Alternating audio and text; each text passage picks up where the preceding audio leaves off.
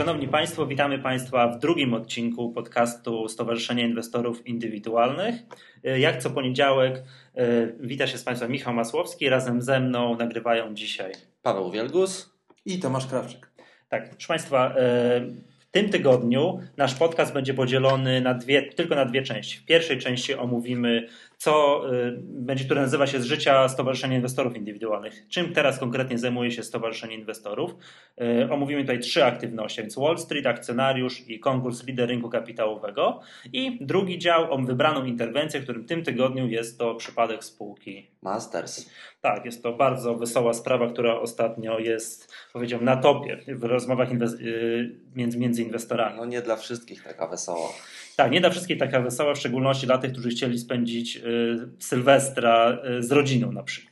Dobrze, ale to za chwileczkę będziemy, będziemy, o tym, będziemy o tym mówili. I tutaj jeszcze mm, jest propozycja przed nagraniem, przed rozpoczęciem nagrywania padła propozycja, żeby mm, każdy odcinek, może nie wiem czy każdy, ale raz na jakiś czas opowiedzieć znać dowcip inwestorski. Pawle, ty masz świetny, na początek świetny podobno dowcip chciałeś nam znaczy, tutaj powiedzieć. Dowcipy są dwa. Jeden na pewno związany z datą walnego Mastersa, ale o tym za chwilę, ale chłopaki chciałem się was zapytać, e, czy wiecie, dlaczego nikt nie chce być maklerem w Chinach?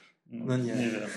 Dlatego, że w Chinach słowo kup i sprzedaj jest dokładnie takie samo, tylko inaczej akcentowane. Dobrze.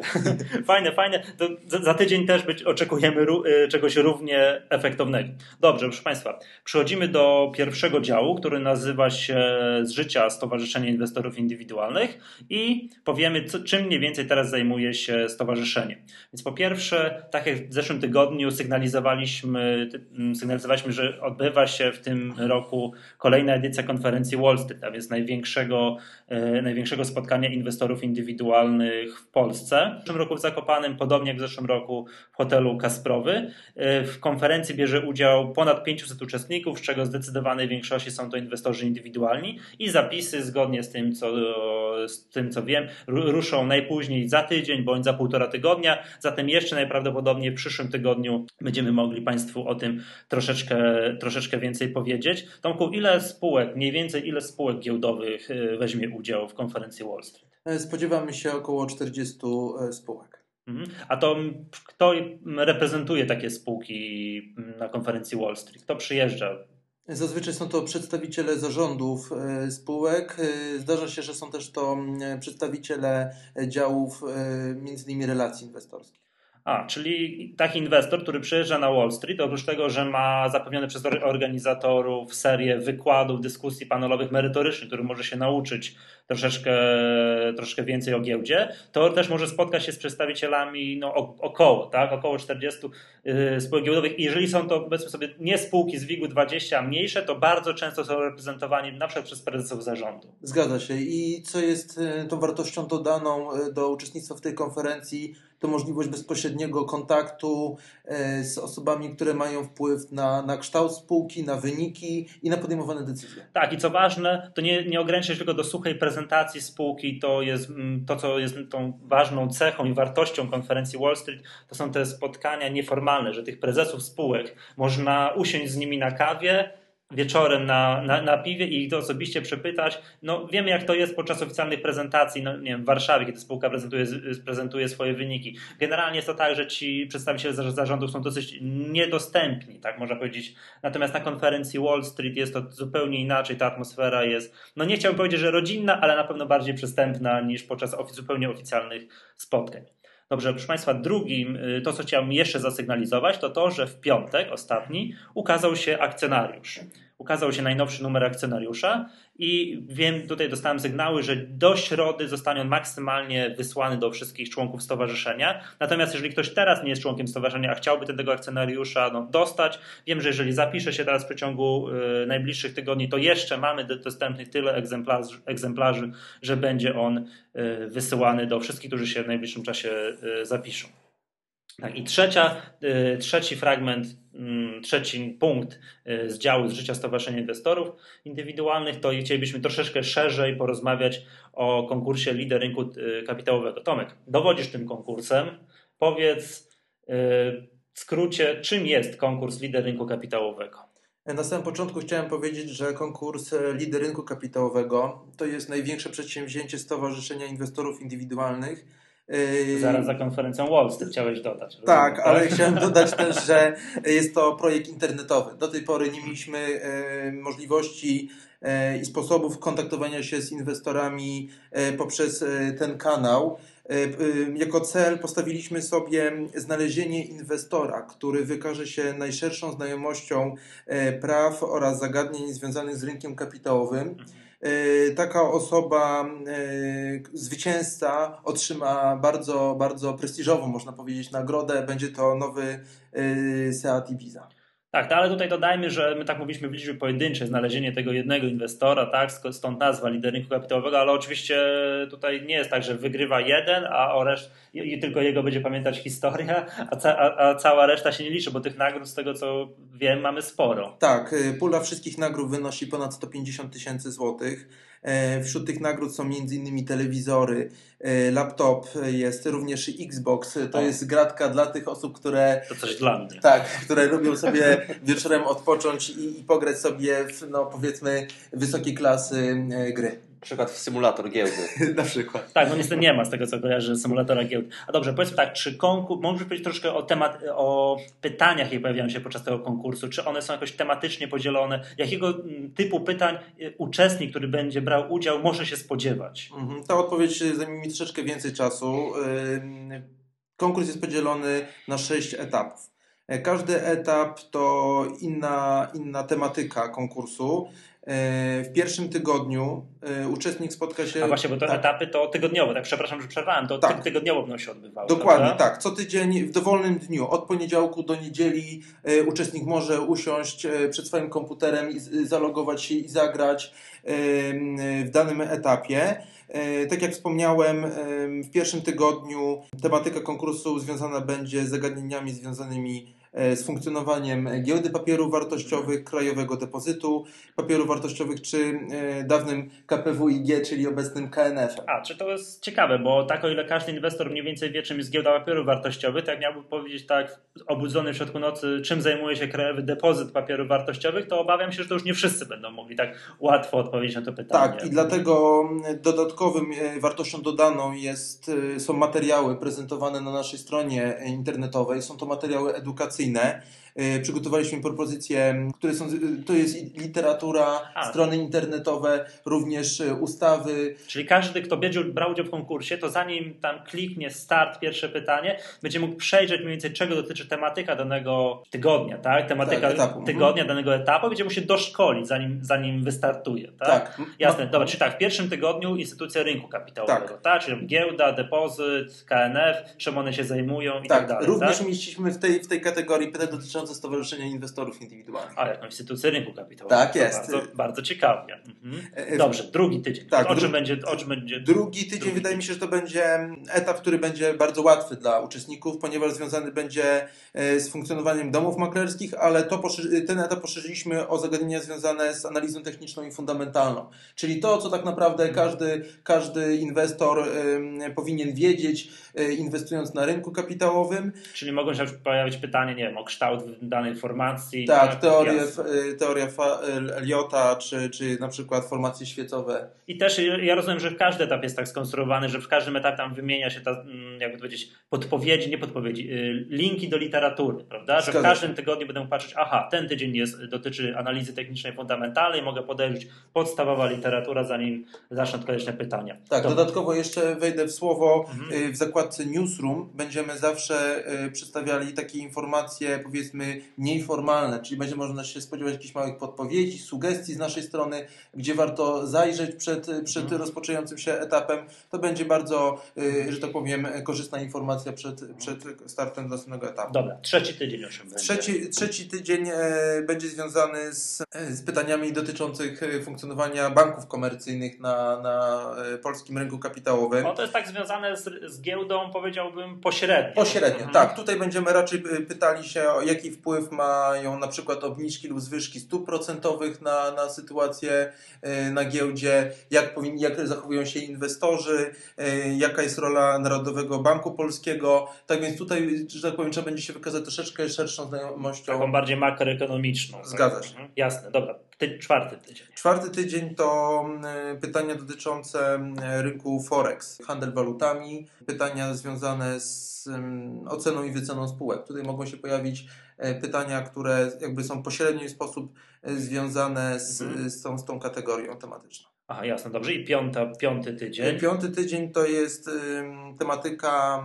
która jest dedykowana osobom inwestującym e, w funduszach inwestycyjnych. O, to bardzo, Czyli- na, to będzie branża, która jest teraz nacenzurowana. Tak? Zazerowany, tak. Praktycznie wszyscy, no, dużo strat, dużo, że tak powiem, niepewności wycofywane środków z funduszy inwestycyjnych. No ale proszę, no tak. Tak, pytania będą, czy warto dywersyfikować swój portfel, y, czy warto, y, czy warto powierzać oszczędności y, zarządzającym funduszom. No to jest pytanie tendencyjne, bo po wydarzenia ostatniego półrocza pokazują, że raczej nie warto. Tak, no dlatego trzeba, trzeba wziąć pod uwagę ryzyko, jakie na siebie nakładamy, powierzając oszczędności zarządzającym. Jasne, no i dobra, i szósta, ostatnia tura, tak? Y, Tak, szósta tura to, że tak powiem, jest gratka już dla inwestorów, ponieważ y, pytania będą bardzo ogólne. Będą dotyczyły zagadnień związanych z rynkiem finansowym w Polsce, jak i za granicą.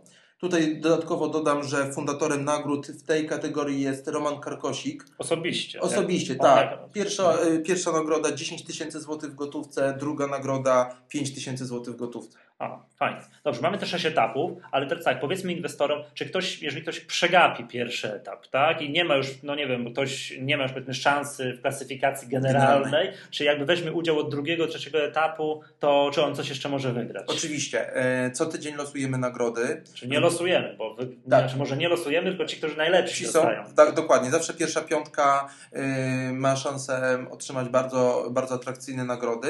Y, to, jest, y, to jest taki specjalny bonus dla, dla tych osób, które przystąpią właśnie w, t- w trakcie trwania turnieju, ponieważ y, wiadomo, różne osoby mogą się w różnym czasie dowiedzieć o tym konkursie. Tak, zatem jeżeli ktoś na przykład nie ma, powiedziałbym, bardzo szerokiej wiedzy, ale na przykład jest ekspertem od Forexu, no to w tym czwartym tygodniu będzie miał okazję się wykazać. Wygra jakąś nagrodę. Mimo tego, tak, czyli zawsze ktoś, z czegoś jest dobry, będzie mógł znaleźć co, co, coś dla siebie. Dokładnie. Tak, a teraz tak, powiedz, powiedzmy sobie jeszcze y, o tym, że teraz aktualnie trwa etap próbny. Jeżeli ktoś chce się dowiedzieć, jaki mniej więcej poziom trudności pytań, to teraz może do 9 lutego do 8, zare, do 8 zarejestrować się i wziąć, y, wziąć udział w etapie próbnym. Tomku, jak jest między odzew inwestorów? Czy te pytania są według y, uczestników trudne czy łatwe? E, powiem szczerze, że nie mam jeszcze takiego mm, feedbacku ze strony inwestorów. Można to zobaczyć e, co najwyżej po tabeli wyników, jaka obecnie się kształtuje. Powiem szczerze, że jestem zaskoczony, ponieważ są inwestorzy, którzy osiągnęli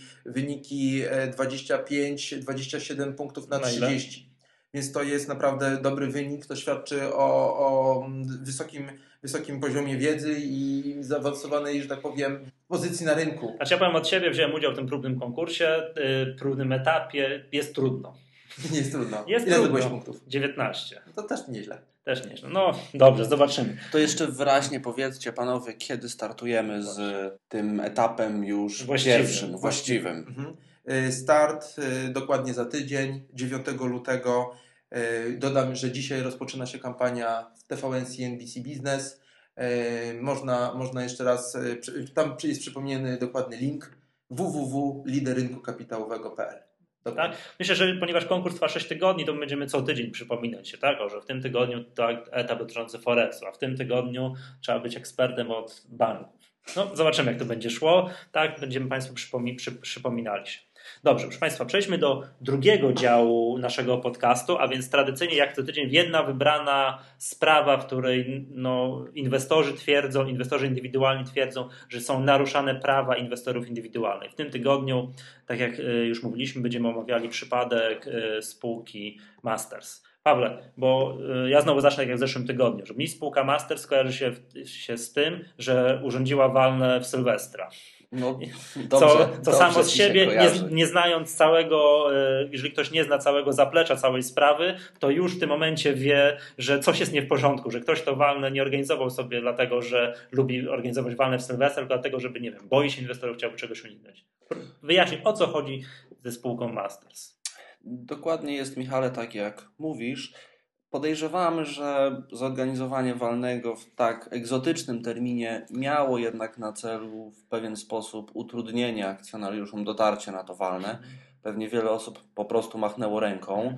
E, znalazła się bardzo duża grupa inwestorów mniejszościowych, inwestorów indywidualnych, którzy udzielili pełnomocnictw w Stowarzyszeniu Inwestorów Indywidualnych i nasz reprezentant na tym walnym był, pomimo tego egzotycznego terminu. Przepraszam, jeszcze przerwę. Ten 31 grudnia to każe mi się tak, jak w zeszłym tygodniu rozmawialiśmy o spółce FON, która zrobiła 23 e, grudnia. No ale z, dwo, z dwojga złego to chyba lepiej dzień przed Wigilią niż w Sylwestra. Tym bardziej, że walny było w Zamościu, więc większości osób ciężko było na to walne dojechać. Jasna, jasna sprawa. Dobra. I dlaczego, dlaczego zarząd Mastersa tak bardzo boi się, żeby ktokolwiek na to walne przyjechał? W przypadku tego walnego, e, które poświęcone było podjęciu uchwały o e, połączeniu Mastersa z Wikaną, Wikana jest spółką deweloperską. Pozagiełdową. Pozagiełdową, spółką akcyjną, tak, dokładnie tak. Powtórzyła się sytuacja, która miała miejsce w przypadku Mastersa już jakiś czas temu, kilka lat temu. Chodzi generalnie o to, że głównym akcjonariuszem i dominującym akcjonariuszem, czyli de facto osobą sprawującą kontrolę w spółce Masters, jest pewien e, akcjonariusz, który jednocześnie jest właścicielem Wikany.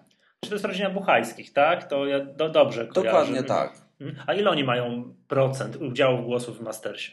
Sprawują kontrolę nad spółką. Nie pamiętam dokładnie, ale to jest jakieś chyba 16 albo 18%. No nieważne, ale generalnie nie jest to, nie, jest, nie są to liczby typu kilkadziesiąt procent powyżej 50, tak? że kto by się na tym walnym nie pojawił, to oni tak sprawowaliby kontrolę. Oni mają kilkanaście procent, tam niecałe 20, a reszta to jest free float, zgadza się? Dokładnie tak. Dobra, i teraz tak, co budzi yy, tutaj takie, yy, no, no powiedziałbym, no niepewność wśród inwestorów? Co takie nie podoba się inwestorom w, tym, w tej fuzji z tą Wikaną? Dokładnie to samo, e, co budziło wątpliwości w przypadku e, połączenia Mastersa z, z multiserwisem. Multiserwis jest spółką obuwniczą, która również kiedyś należała do rodziny Buchajskich. Ale o co tu chodzi? Bo tak ten, naprawdę... czym, czym ta spółka Masters? Bo raz chcą się łączyć z, z, z, firmą obuwniczą, raz chcą się łączyć z deweloperem. To taka, czasami powiedziałbym, dosyć niejednorodna działalność. No to prawda. Powiedzmy, że Masters prowadzi właśnie taką różnorodną działalność. -hmm Natomiast nie to jest jakby problemem. Problemem jest właśnie to, że mm, może problemem to za dużo powiedziane. Natomiast w przypadku, kiedy spółka, w której kontrolę sprawuje tak naprawdę jeden akcjonariusz, czy rodzina akcjonariuszy, mhm. przejmuje inną spółkę od e, właśnie tejże rodziny, od czyli tak naprawdę akcjonariusz za pomocą spółki giełdowej przejmuje, e, co daje mu możliwość znacznego dokapitalizowania inną spółkę, której jest właścicielem. Tak, i, Czyli od samego siebie, tak, innymi słowy. Na pierwszy rzut oka wydawałoby się, że to nic złego, że to jest takie przełożenie z lewej kieszeni do prawej i wszystko byłoby w porządku, gdyby nie to, że spółka Master, z tego co się orientuje, dysponuje w ciężkich czasach tak, dobrze mówię, całkiem nie, niezłym kapitałem pozyskanym z emisji akcji. Dokładnie tak. Te środki uzyskane z ostatniej emisji akcji nie zostały jeszcze skonsumowane, w związku z czym na kontach Mastersa leży kilkadziesiąt milionów złotych. Mhm. I pojawiły się głosy już na samą informację o połączeniu z Wikaną, pojawiły się głosy, że Wikana e, przestaje być firmą rentowną, że ma problemy z, no to jest deweloper, tak, z planami sprzedaży, w związku z tym potrzebuje natychmiastowego do, do kapitalizowania. Hmm. No przypomnij, że Wikana jest deweloperem, a wiem, że jest to branża, która jest teraz nacenzurowany. Mało który deweloper teraz tak naprawdę nie ma problemów. Teraz wszyscy deweloperzy, no może nie wszyscy, zdecydowana większość Ale ma większość problemy. z nich ma problemy, szczególnie ci mali właśnie. Mhm. Dobrze. I dlaczego inwestorzy tak protestują? Co jest nie w porządku? No przecież mogły się połączyć dwie spółki i cóż po jest pierwsze, takiego złego? sam fakt przejęcia w obrębie, że tak powiem, rodziny To są połączenia spółek, które, którym zawsze należy się przyglądać, mhm. bo jest to pole do manipulacji i należy się zawsze zastanowić, e, czy taka, takie połączenie rzeczywiście ma uzasadnienie, czy odbywa się w sposób rzetelny. No to jest jakby jedna rzecz. I jest tak w tym przypadku? W tym przypadku pierwsze uwagi ze strony inwestorów dotyczyły samego planu połączenia i parytetu wymiany akcji. Może ja przypomnę króciutko, że to jest połączenie, które polega na tym, że cały majątek Wikany zostanie przeniesiony na e, Mastersa co również jest troszeczkę nietypowe i dziwne, dlatego że wycena Wikany praktycznie jest e, trzykrotnie większa od wyceny Mastersa. Mhm. Czyli znowu mamy do czynienia z sytuacją, kiedy mała spółka przejmuje dużą. To, jest, to, jest to chyba... prawdopodobnie wynika troszeczkę z tego, że Masters jest jednak spółką giełdową i ta cała procedura wejścia na rynek już e, jest za Mastersem. Gdyby było odwrotnie, to pojawiłyby się tutaj dodatkowe problemy z zaistnieniem na giełdzie. Tak, takiego nowego odwrotnie, podmiotu. to też może trzeba by rozważać scenariusz wycofania Mastersa z obrotu Być może, i tak, tak, dalej, co oczywiście wiemy nie jest takie, nie jest takie proste. No dobrze, no i dalej tak, co w tym złego? Mogą się połączyć i co? Pojawiły się głosy o tym, że parytet wymiany został, parytet wymiany został ustalony na podstawie wycen w taki sposób, aby być korzystny dla akcjonariuszy Wikany. Dlatego, że to połączenie odbywa się na mocy artykułu 492 kodeksu spółek handlowych, a więc y, poprzez przeniesienie, tak jak już powiedziałem, majątku Wikany na Mastersa z jednoczesnym podniesieniem kapitału zakładowego Mastersa poprzez emisję nowych akcji. Dla dotychczasowych właścicieli Wikany. Czyli dokładnie dla dotychczasowych akcjonariuszy. Tak, dokładnie tak, dokładnie tak. To mhm. jest, oni są tak naprawdę jedynym akcjonariuszem Wikany, jest to spółka niepubliczna. A, czyli zaczynam chyba powoli rozumieć. Jest tak, Wikana, która ma problemy finansowe, ale przynajmniej tak, tak domniemujemy, yy, może yy, stanie się częścią Mastersa, w której rodzina Buchajskich ma zaledwie kilkanaście procent, a w tym połączonym podmiocie, według parytetu zaproponowanego przez no wiem, tam rodzinę tak, Buchajskich, ile będzie miała, yy, ile ta rodzina będzie miała procent w połączonym podmiocie? To jest oczywiście rzecz, którą można dokładnie wyliczyć, e, ale to chyba nie jest najistotniejsza kwestia. Tutaj zarzuty inwestorów szły raczej w tym kierunku, że wyceny obu podmiotów zostały sporządzone w nierzetelny sposób. Faworyzujący rodzinę Buchajskich, innymi a słowy. Czyli zawyżające wycenę Wikany, a zaniżające wycenę Mastersa. Dokładnie tak. Z a. tym, że od razu powiem, że z naszych analiz przeprowadzanych tutaj w stowarzyszeniu wynika, że wycena Mastersa wcale nie jest wyceną taką niską. Znaczy, to jest jedna rzecz. Znaczy tak, bo wycena Mastersa jest oczywista, bo to jest wycena, e, wycena tej spółki na giełdzie. Tak? Czy... E, no nie do końca. Tutaj przeprowadza się tą wycenę spółki, mając na uwadze również jej perspektywy i prognozy. Czyli w pewien sposób i tak opieramy się na tym, co powie nam zarząd i jakie zarząd przedstawi dokumenty. No tak, ale czy spółki giełdowej nie wycenia się jednak według wartości rynkowej? Na potrzeby połączenia nie. Na potrzeby połączenia nie, tak? Bo o ile spółka nie jest spółką giełdową, to wiadomo, tak? Trzeba wziąć i wycenić, tak? Muszą, muszą wejść specjaliści, biegli rewidenci, analitycy i wycenić. O tyle wycena spółki giełdowej zawsze wydawała mi się prosta. Cena akcji razy liczba i, i jest. To, to było, ta wycena przeprowadzona była w sposób generalnie standardowy i tak jak powiedziałem, ona opiera się na analizie obecnej sytuacji finansowej spółki, jej majątku, ale również perspektyw rozwoju i prognoz. Mhm. I z tego, co mm, zdążyłem się zorientować, to te nasze główne wątpliwości dotyczą wyceny tej zawyżonej, tak? Już tutaj mówię, zawyżonej wyceny Wikany. Tak, dokładnie tak. I muszę od razu tutaj zaznaczyć, e, że rzeczywiście sposób sporządzenia tej wyceny, czy jej rzetelność budzi pewne wątpliwości. Chodzi dokładnie o to, że e, w planie e, połączenia, w wycenie Wikany zostały dokonane pewne założenia odnośnie sytuacji makroekonomicznej. Między innymi wycena została sporządzona przy projektowanym czy prognozowanym y, PKB na poziomie powyżej 5%. Na który rok? 2009? Y, na chwilę, tak, na 2009. No to, a kiedy była sporządzona ta prognoza? To była jesień 2008 roku. Tak naprawdę to wszyscy zdajemy sobie sprawę, że generalnie rynek, analitycy już w tym momencie wszyscy wypowiadali się, że tak wysoka prognoza PKB jest nierealna. No tak, począwszy od września, kiedy mieliśmy średnio dwa razy w tygodniu krach giełdowy, tylko, tak, przez dwa miesiące. Dokładnie tak, tylko pamiętaj no. Michale, że w tamtym czasie ani z Narodowego Banku Polskiego, ani z Ministerstwa Finansów, ani w budżecie nie zostały wprowadzone poprawki do planu budżetowego, w związku z czym wszystkie najważniejsze ministerstwo czy instytucje finansowe jeszcze nie, oficjalnie nie dokonały prognoz, y, korekty prognoz PKB. I tak naprawdę w momencie, gdyby akcjonariusze mniejszościowi, którzy zwrócili się do nas o pomoc, chcieli zaskarżyć te uchwały o połączeniu, bazując tylko i wyłącznie na nierzetelności e, wyceny Wikany, między innymi w związku z tymi właśnie zawyżonymi prognozami, to muszę powiedzieć, że ta argumentacja jest stosunkowo słaba i według mojej opinii no tak, spółka ale, wybroni się. No tak, ale chyba nikt rozsądny teraz, tak, 2 lutego 2 lutego 2009 roku nie podtrzymuje prognoz y, PKB na poziomie wzrostu PKB na poziomie 5%.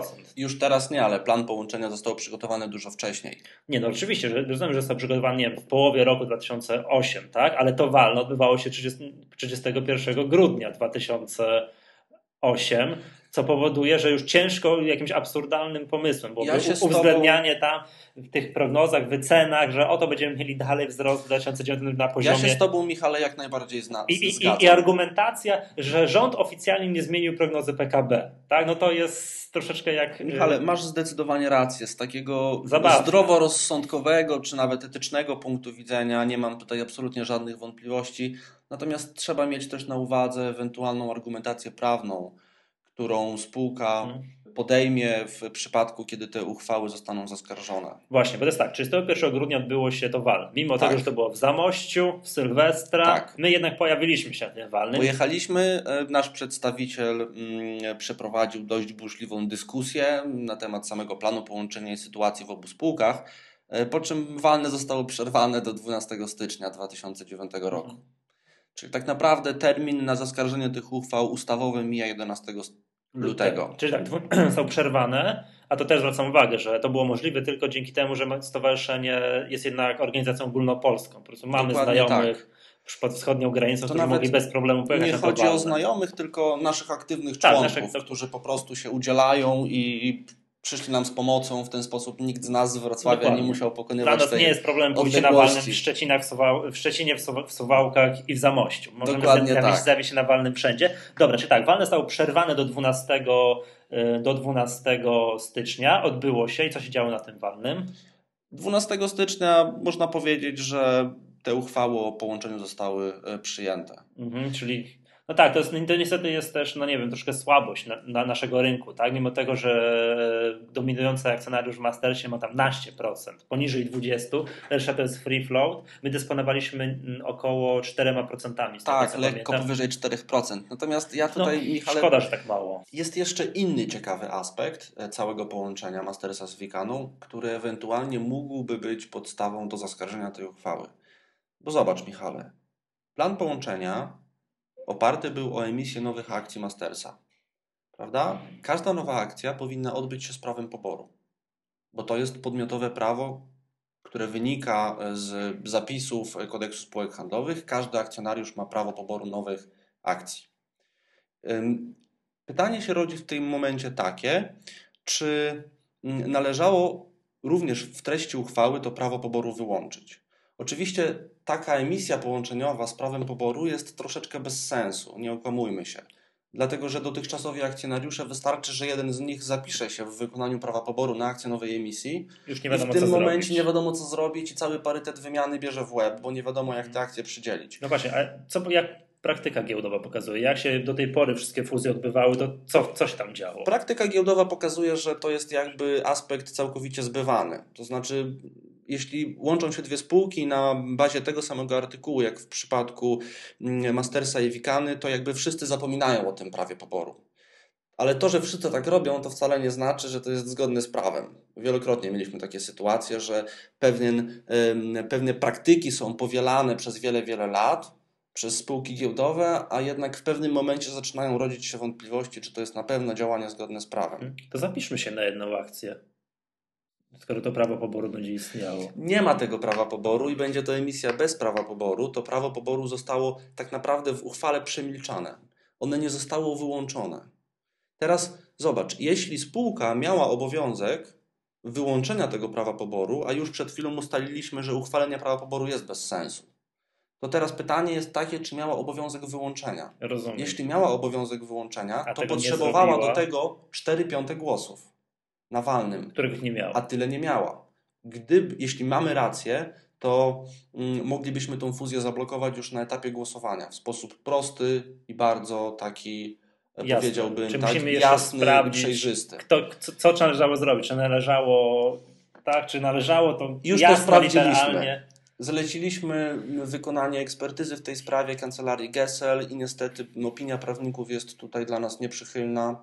Mm, Można odnieść wrażenie, że takie, taka, takie pozbawienie prawa poboru powinno się znaleźć w uchwale, kiedy studiuje się literalnie kodeks spółek handlowych. Natomiast nie możemy zapominać również o mm, tej części, o doktrynie prawnej oraz o dotychczasowych orzeczeniach w podobnych sprawach, które wyraźnie wskazują, że mm, artykuły mówiące o połączeniu dwóch spółek są bardziej szczególnymi w stosunku do artykułów mówiących o prawie Chyba poboru. rozumiem, że tu ważna jest intencja. Tak? Dokładnie co, tak. Co ci Innymi akcjonariusze słowy- chcieli zrobić, a Dokładnie rozumiem. tak. Innymi słowy, przepisy o prawie poboru są wyłączone tutaj niejako z automatu, więc spółka po pierwsze nie musiała uchwalać z prawem poboru y, nowej emisji, y, co więcej, nie musiała nawet uzasadniać, dlaczego prawo poboru zostało zabrane dotychczasowym akcjonariuszom. One jest niejako domyślnie, domyślnie Dokładnie tak, czyli to, co zrobili, a więc y, po prostu spółka przemilczała w uchwale kwestię prawa poboru, to jest działanie zgodne z prawem. I w związku z tym nie może to być podstawa do zaskarżenia tej uchwały. Jasna sprawa. Jasna. Bo teraz rozumiem tak, że do mnie tego 11 lutego mamy czas na zaskarżenie tej uchwały połączeniowej. Na czym będzie się opierała, co będzie naszym głównym argumentem? Nierzetelność wyceny wikany, bo z tego co się orientuję, to samego parytetu zaskarżyć nie można. Samego parytetu zaskarżyć nie można. Można zaskarżyć nierzetelność wyceny wikany, natomiast jest to argument moim zdaniem słaby.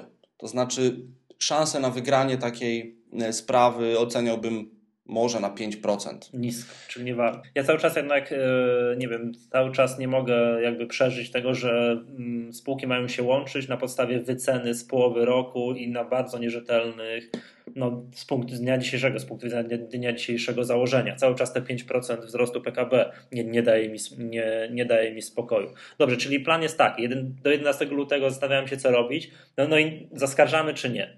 Nie wiem. Myślę, że decyzja należy tak naprawdę do akcjonariuszy. Jasne, tych co Będziemy się teraz w pierwszych dniach e, tego tygodnia konsultować, kontaktować Mhm. z osobami, które były zaangażowane w cały ten projekt. Mhm. Oczywiście przedstawimy im sprawę rzetelnie, jaka jest możliwa argumentacja zaskarżenia tych uchwał według naszej opinii, jakie są ewentualne szanse na wygranie tej sprawy.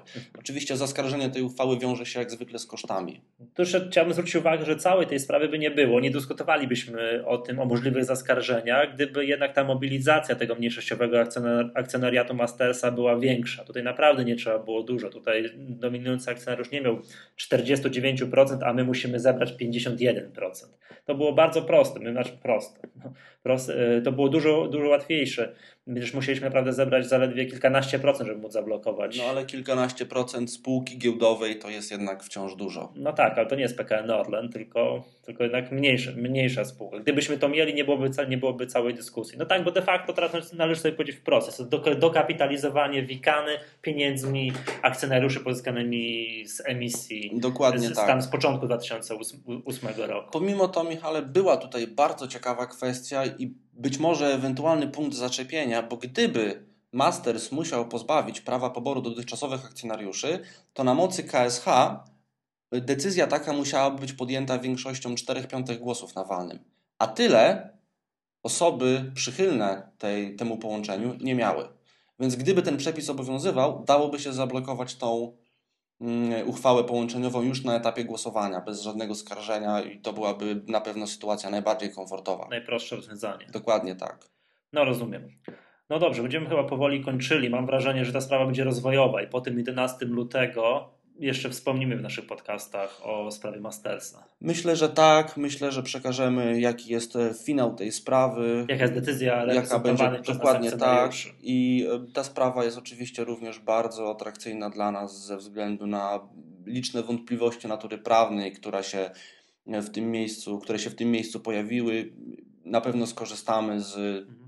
Tej wiedzy, którą zdobyliśmy w przypadku tego projektu e, na potrzeby innych Mhm. podobnych sytuacji. A powiedz mi jeszcze jedną rzecz, bo wiem, że my skierowaliśmy do zarządu Mastersa y, kilkanaście pytań, dokładnie szczegółowych. Czy otrzymaliśmy jakąkolwiek odpowiedź? Tak, oczywiście zwróciliśmy się z y, tymi pytaniami i poprosiliśmy o przekazanie odpowiedzi w postaci raportu bieżącego do systemu ESP. Takie odpowiedzi jak najbardziej się pojawiły, e, natomiast nie wydarzyło się tutaj nic, e, czego byśmy się nie spodziewali, to znaczy te odpowiedzi były oczywiście ogólnikowe, nie wnosiły Okrągłe. nic nowego, tak, okrągłe. No rozumiem, czyli generalnie odpowiedź, to za, na każde pytanie w ten sposób można odpowiedzieć w ten, w Dokładnie ten tak. sposób, które będą uzasadniały naszą tezę. No cóż, przyznam się szczerze, że nie było to zbyt optymistyczne. To bardziej przytyczek w nos dla inwestorów indywidualnych. Od nie zebraliście się, macie za swoje. Można tak powiedzieć, natomiast jest to bardzo karcąca opinia dla tych osób, które jednak wyraziły chęć współpracy pomiędzy sobą i zaufały Stowarzyszeniu Inwestorów. Nie, to nie jest karcąca opinia dla tych osób, jest dla wszystkich pozostałych. Tak, To jest dla w wszystkich ten sposób można tak zdecydowanie Ci- powiedzieć. tak, bo tutaj- ci, którzy się jakby no, pod naszymi auspicjami zgromadzili, to oni wiedzieli, co mają robić. To dla wszystkich pozostałych, którzy postanowili siedzieć w domu i Dokładnie tak. zapomnieli, że mają w swoich portfelach akcje Mastersa. Mhm. Dobrze, kończymy na dzisiaj. Jeszcze na sam koniec kilka spraw technicznych. Podcast nasz można oczywiście ściągnąć z naszej strony Stowarzyszenia Inwestorów Indywidualny- Indywidualnych, jak również można go zasubskrybować przez iTunes. Od zeszłego tygodnia dorobiliśmy się linków, które same prowadzą. Można, wystarczy kliknąć w linkę, jeżeli ktoś posiada program iTunes, ten podcast będzie mu się sam subskrybował. Jest to o tyle atrakcyjne, gdyż y, postępując tą drogą, ten mm, podcast będzie każdy po emisji każdego kolejnego odcinka będzie znajdował się automatycznie na jego komputerze, na jego dysku twardym, bez potrzeby pamiętania o tym, że dzisiaj jest poniedziałek i że kolejny odcinek naszego podcastu. Chcielibyśmy także wśród słuchaczy, wiem, że już parę osób nas słucha, ogłosić y, mały konkurs na nazwę podcastu. Potrzebujemy atrakcyjnej, medialnej nazwy. Nie chcielibyśmy, żeby się nazywało dosyć sucho i nudnie, czyli podcast C. Szu- Szukamy jakiejś atrakcyjnej nazwy i dla osób, wśród osób, y, już teraz mogę powiedzieć, wśród osób, które przyślą nam taką nazwę, propozycję nazwy rozlosujemy kilka atrakcyjnych, at, at, atrakcyjnych nagród. Myślę, że ten, myślę, że ten konkurs pod, y, no, wydłużymy go na kilka tygodni, tak żeby dać szansę wszystkim inwestorom, którzy, na, którzy nas słuchają. Do zobaczenia w przyszłym tygodniu. W tym tygodniu nagrywali z Państwem Tomasz Krawczyk. Paweł Wielgus. i Michał Masłowski. Do usłyszenia.